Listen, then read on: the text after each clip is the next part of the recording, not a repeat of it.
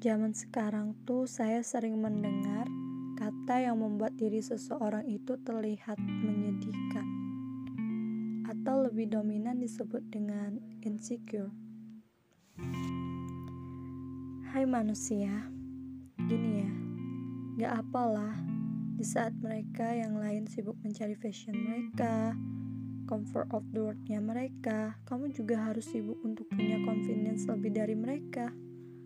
Semua yang lahir ke dunia ini punya kehidupannya masing-masing.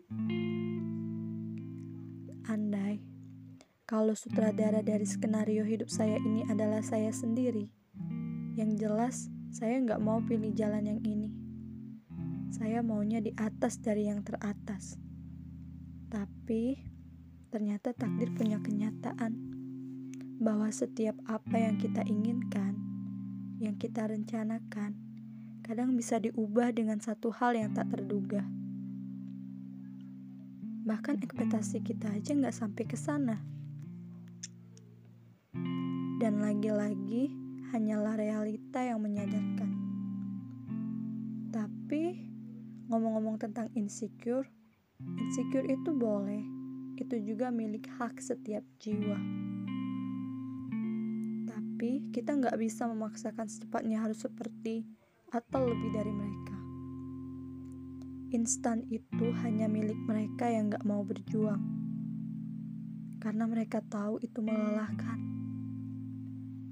Kalau prinsip saya, untuk apa kita mencoba menjadi diri orang lain, memiliki kehidupan seperti orang lain? Kalian meninggalkan kehidupan kalian sendiri karena menurut kalian kehidupan orang lain tuh lebih menarik. Termotivasi itu boleh, tapi jangan meninggalkan kehidupan sendiri. Diri sendiri. Kita tuh cuma nggak tahu ending dari skenario nya aja.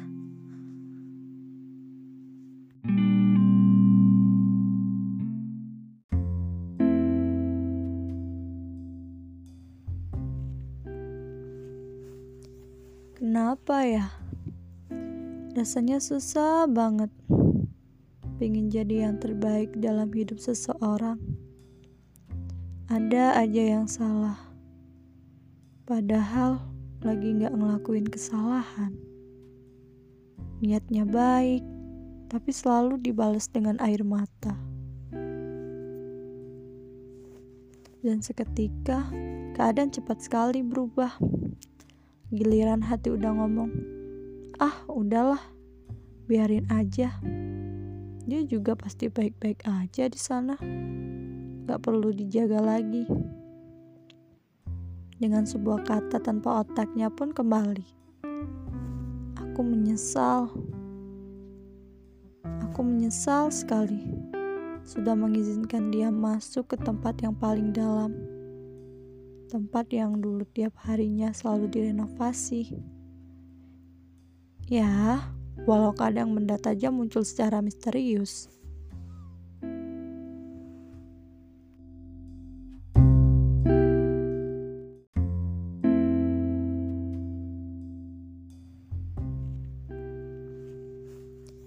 Kenapa ya? Rasanya susah banget pengen jadi yang terbaik dalam hidup seseorang, ada aja yang salah. Padahal lagi gak ngelakuin kesalahan. Niatnya baik, tapi selalu dibalas dengan air mata. Dan seketika, keadaan cepat sekali berubah. Giliran hati udah ngomong, ah udahlah, biarin aja dia juga pasti baik-baik aja di sana. Gak perlu dijaga lagi. Dengan sebuah kata tanpa otaknya pun kembali. Aku menyesal.